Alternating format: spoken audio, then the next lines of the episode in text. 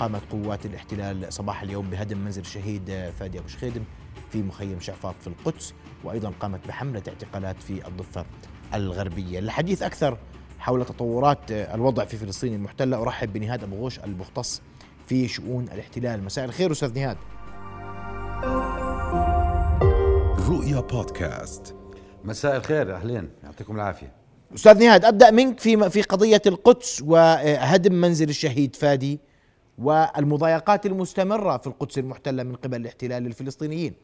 نعم هدم منزل الشهيد فادي أبو شخيدم هو إجراء آه، انتقامي بصراحة إجراء عقوبي إجراء عقابي ليس للشهيد. الشهيد رحمة الله عليه الآن إلى جوار ربه لكن هو عقاب لعائلته لمحيطيه لسكان البناية اللي كان فيها. وهذا منطق يعني ليس منطق دول تحترم القانون و يعني هناك مبدأ قانوني معمول به بكل دول العالم انه العقوبة شخصية.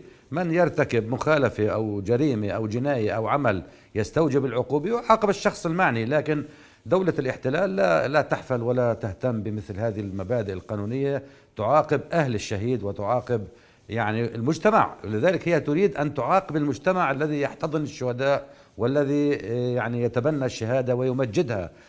بحجة أنه هذا يردع من يفكر بتنفيذ أعمال مشابهة في المستقبل لكن حقيقة وحسب الإحصائيات هذا ليس مجرد تكهن. ثبت أنه عمليات هدم المنازل ومعاقبة ذوي الشهداء تؤجج الغضب والسخط لدى الفلسطينيين وبالتالي هي تهيئ لعمليات مشابهة أكثر في المستقبل وبالتالي تزداد يعني حالة الغضب التي عند الناس التي تدفعهم فعلا لتنفيذ عمليات ردا على انتهاكات الاحتلال وجرائمه. طيب أستاذ نهاد السؤال اليوم إنه هذا هذا أمر مستمر هذا أمر يتكرر. هل بيد الفلسطينيين صح. أي إجراء اتجاه كل ما يحدث؟ هو الحقيقة ليس لدى الفلسطينيين سوى التضامن والتكاتف. يعني هنا الشهيد فادي من حملة هوية القدس وأهل القدس لهم وضعية خاصة يمكنهم التوجه للمحكمة العليا الإسرائيلية لكن هذه الإجراءات القانونية أفلحت في تأجيل قرار الهدم آه، لكنها لم تنجح في منع قرار الهدم. في الضفة الأمر أحيانا يكون مرتبط بقرار ضابط المنطقة هو الذي يقرر يعني لديه صلاحيات الحاكم العسكري وبالتالي إجراءات الهدم هي إجراءات يمكن أن تكون على أحيانا آه، عملية فدائية أو عملية يعني ارتباط بالمقاومة بأي شكل من الأشكال وأحيانا بحجة وجود هذا البيت أو المنزل في منطقة في طريق استيطاني أحيانا أو جوار مستوطنة أحيانا بحجة البناء بدون ترخيص علما إنه بعض الأبنية يعني قائمة من قبل الاحتلال يعني من الخمسينات والستينات لكن هناك أسباب كثيرة جدا تتذرع بها سلطات الاحتلال لهدم منازل الفلسطينيين وإيقاع العقوبات الجماعية. الفلسطينيون ليس لديهم سوى يعني التضامن الشعبي والاجتماعي وهذا متاح وموجود بلا شك. يعني لن تبيت عائلة الشهيد في العراء. يعني أهل المخيم وأهل القدس بشكل عام يبدون يعني أرقى وأكثر أدفأ يعني مظاهر التضامن والاحتضان لأسرة الشهيد. بحيث يوفرون يعني منزل بديل وما إلى ذلك لكن حقيقة هذا يعني صراع مفتوح ومستمر. يعني ما لم تكن هناك إجراءات سياسية رادعة لسلطة الاحتلال من قبل الهيئات الدولية هي لا تحفل ولا تأبه بأي احتجاج شعبي. أحيانا يلجأ الفلسطينيون للقضاء الإسرائيلي أو حتى للبعثات الدبلوماسية التي تقارب تراقب ما تجري وتكتب تقارير لدولها لكن للأسف الشديد هذا لا يؤثر عمليات الهزم مستمرة في العام الماضي 2021 هدم حسب آخر إحصائية طلعت عليها حوالي 300 منزل فلسطيني ومنشآت حتى زراعية ويعني آه، للرعاة وللمربين أحيانا أبار مياه يعني لا يعني هي مجرد بئر لتجميع المياه يهدم بحجة يعني إنه هذا كإنه سرقة المياه من حصة إسرائيل مياه المطر يعني اللي تنزل من السماء إذا أراد مزارع أو مربي مواشي أن يجمعها لكي يستفيد منها خلال الموسم يمكن أن يهدموها بكل بساطة فلذلك هذه إجراءات هي محاولة لإخضاع الشعب والتنكيل به ومنع حتى أي فرصة لقيام آه، اقتصاد وطني أو حتى يعني الموضوع الاجتماعي والسياسي التضامني الذي ينشأ بين الناس ردا على إجراءات الاحتلال يصبح هدف مستهدف من قبل إجراءات الاحتلال القمعية. طيب اسمح لي أستاذ نهاد وأنا في ذات الإطار وأبقى في القدس قبل أن أنتقل للضفة الغربية. أحوال المقدسيين اليوم هل اختلفت عن سابق الأيام أم أن المضايقات ازدادت في الفترة الأخيرة؟ لا شك أنها ازدادت بل أخذت الآن يعني تأخذ منحى نوعي.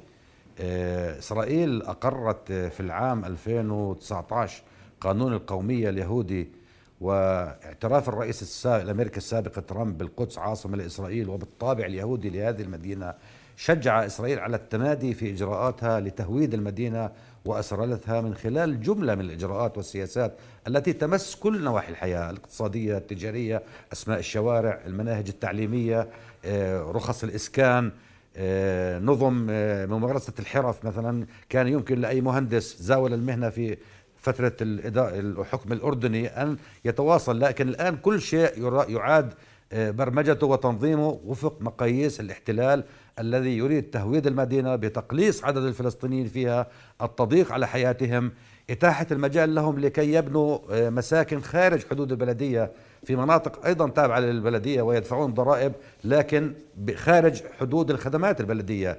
لذلك هناك إجراءات على جميع المستويات تهدف لتهويد المدينة بتغيير التوازن السكاني. الآن الفلسطينيون يمثلون حوالي 38% من مجموع سكان مدينة القدس يريد الاحتلال وهذه خطط معلنة عليه كل حال وليست سرية.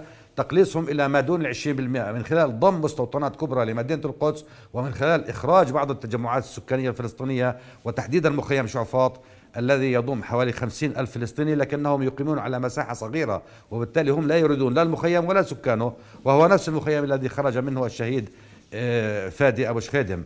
لذلك هناك هذه الإجراءات يعني تهدف في النهاية فعلا إلى آه، تهجير الفلسطينيين وتطفيشهم أو يعني إخضاعهم لمنهج الأسرلة بحيث يسلمون بأنهم إسرائيليون أو مواطنون يطمحون بالجنسية الإسرائيلية بحقوق أقل من الإسرائيلي بحقوق مدنية أقل وبحقوق سياسية آه، يعني صفر حقوق سياسية. لكن بلا شك هذا يعني يواجه بمقاومة شعبية من السكان لكنها ما زالت مقاومة آه، متفرقة. من يقاوم هو المتضرر المباشر من هذه الإجراءات وليس هناك سياسة موحدة فلسطينية يعني انتهاج خط مواجهة شامل ومتكامل ومدعوم من السلطة. للأسف الشديد القانون يمنع السلطة من العمل في القدس وحتى بعض الهيئات الدولية تراعي ذلك يعني بحيث أنها لا تقدم دعم لسكان القدس وبالتالي سكان القدس يعتمدون على أنفسهم وعلى على بعض الصناديق العربية المحدودة يعني مثل البنك الإسلامي للتنمية أو الصندوق الكويتي وما إلى ذلك. لا ننسى طبعا الدعم الأردني المباشر للأوقاف والمقدسات لكن كل هذا بحقيقة الحقيقة أقل بكثير من متطلبات المجابهة التي هي تمثل في النهاية صراع على كل سنتيمتر في هذه المدينة وعلى هويته وعلى مصيره أستاذ نهاد في ذات الإطار أيضا وبالتزامن مع ما يحدث في القدس تحديدا حملة اعتقالات في الضفة الغربية. نعم صحيح أخي الكريم. يعني هو أصلا هي الحملة الأكبر هي جرت في مخيم قلنديا الذي واقع شمال القدس. آه، تكاد الاعتقالات تكون عمل يومي يعني هي تضم يعني تشمل أو تستهدف الشبان الصغار المتهمين. يعني بالمقاومة سواء بالانتساب إلى تنظيمات سياسية أو بإلقاء حجارة أو التجمهر أو الانتظام. يعني عشرات الأسباب. أحيانا تكون اعتقالات يعني تدابير وقائية يعني للبحث في آه، مزاج الشباب وأين يتجهون. وأحيانا يعني ربما يستغرب البعض أنه أحيانا تجري حملات الاعتقال لتكديس المعتقلين والقول أنه أفرجنا عن مئات معتقل مثلا. يعني سمعنا مؤخرا أنه في اللقاء الأخير بين الرئيس محمود عباس ووزير الدفاع جانس أنه الرئيس أبو مازن طلب بالإفراج أو تقديم بوادر حسنية من إسرائيل بالإفراج عن عدد من قدام المعتقلين. أحيانا إسرائيل تستجيب لذلك وتفرج عن عدد معتقلين لكن أي معتقلين؟ المعتقلين الذين بقي على اعتقالهم أيام أو أسابيع قليلة أو من ممن دخلوا بطريقة غير مشروعة كما يسمى آه، أو من العمال المخالفين الذين لا يحملون تصريح تصريح عمل. وبالتالي أحيانا يكون تكون هذه الاعتقالات لها هدف استخباري لجمع معلومات أو انتقامي أو عقوبات جماعية لمنطقة. أحيانا إذا خرج شخص من مثلا بلدة يطا لتنفيذ عملية يعاقبون أهل يطا إذا خرج شخص من مخيم أو من تنظيم سياسي معين يعاقبون كل المنتسبين أو القريبين من هذا التنظيم على امتداد الضفة كما يجري مع يعني منتسبي حماس مثلا والجهاد الإسلامي والجبهة الشعبية أكثر شيء. يحصل عمل معين فتحصل حملات بعشرات المعتقلين آه، لمعاقبة التنظيم والاتجاه السياسي وليس لمعاقبة الشخص المعني لأنه في هناك تهمة معينة موجهة له. وبالتالي هذه في أن تستمر مثل هذه الاعتقالات خلال الأيام المقبلة. بهذا الحجم حسب معلوماتي هي مستمرة على على مدار العام على مدار العام مستمرة يعني. هي تشتد حين يتأزم الوضع السياسي آه، ربما تنفرج قليلا إذا حصل حالة من الاسترخاء لكن كلما اشتدت يعني حملات المقاومة أحيانا هذه الاعتقالات تهدف لقطع الطريق على تطور يعني أشكال المقاومة المحدودة المحلية لكي تتحول إلى حملة مقاومة شاملة أو شيء يشبه الانتفاضة. فأحيانا تكون تدابير وقائية لمنع تطور هذه المواجهات إلى ما هو أشبه بالعصيان المدني أو الانتفاضة نعم. أو أي شكل من أشكال المقاومة الجماعية نعم. الواسعة. نعم. بدي أشكرك كل الشكر المختص في شؤون الاحتلال نهاد أبو غوش كنت مباشرة معنا من فلسطين المحتلة. شكرا جزيلا لك. رؤيا بودكاست.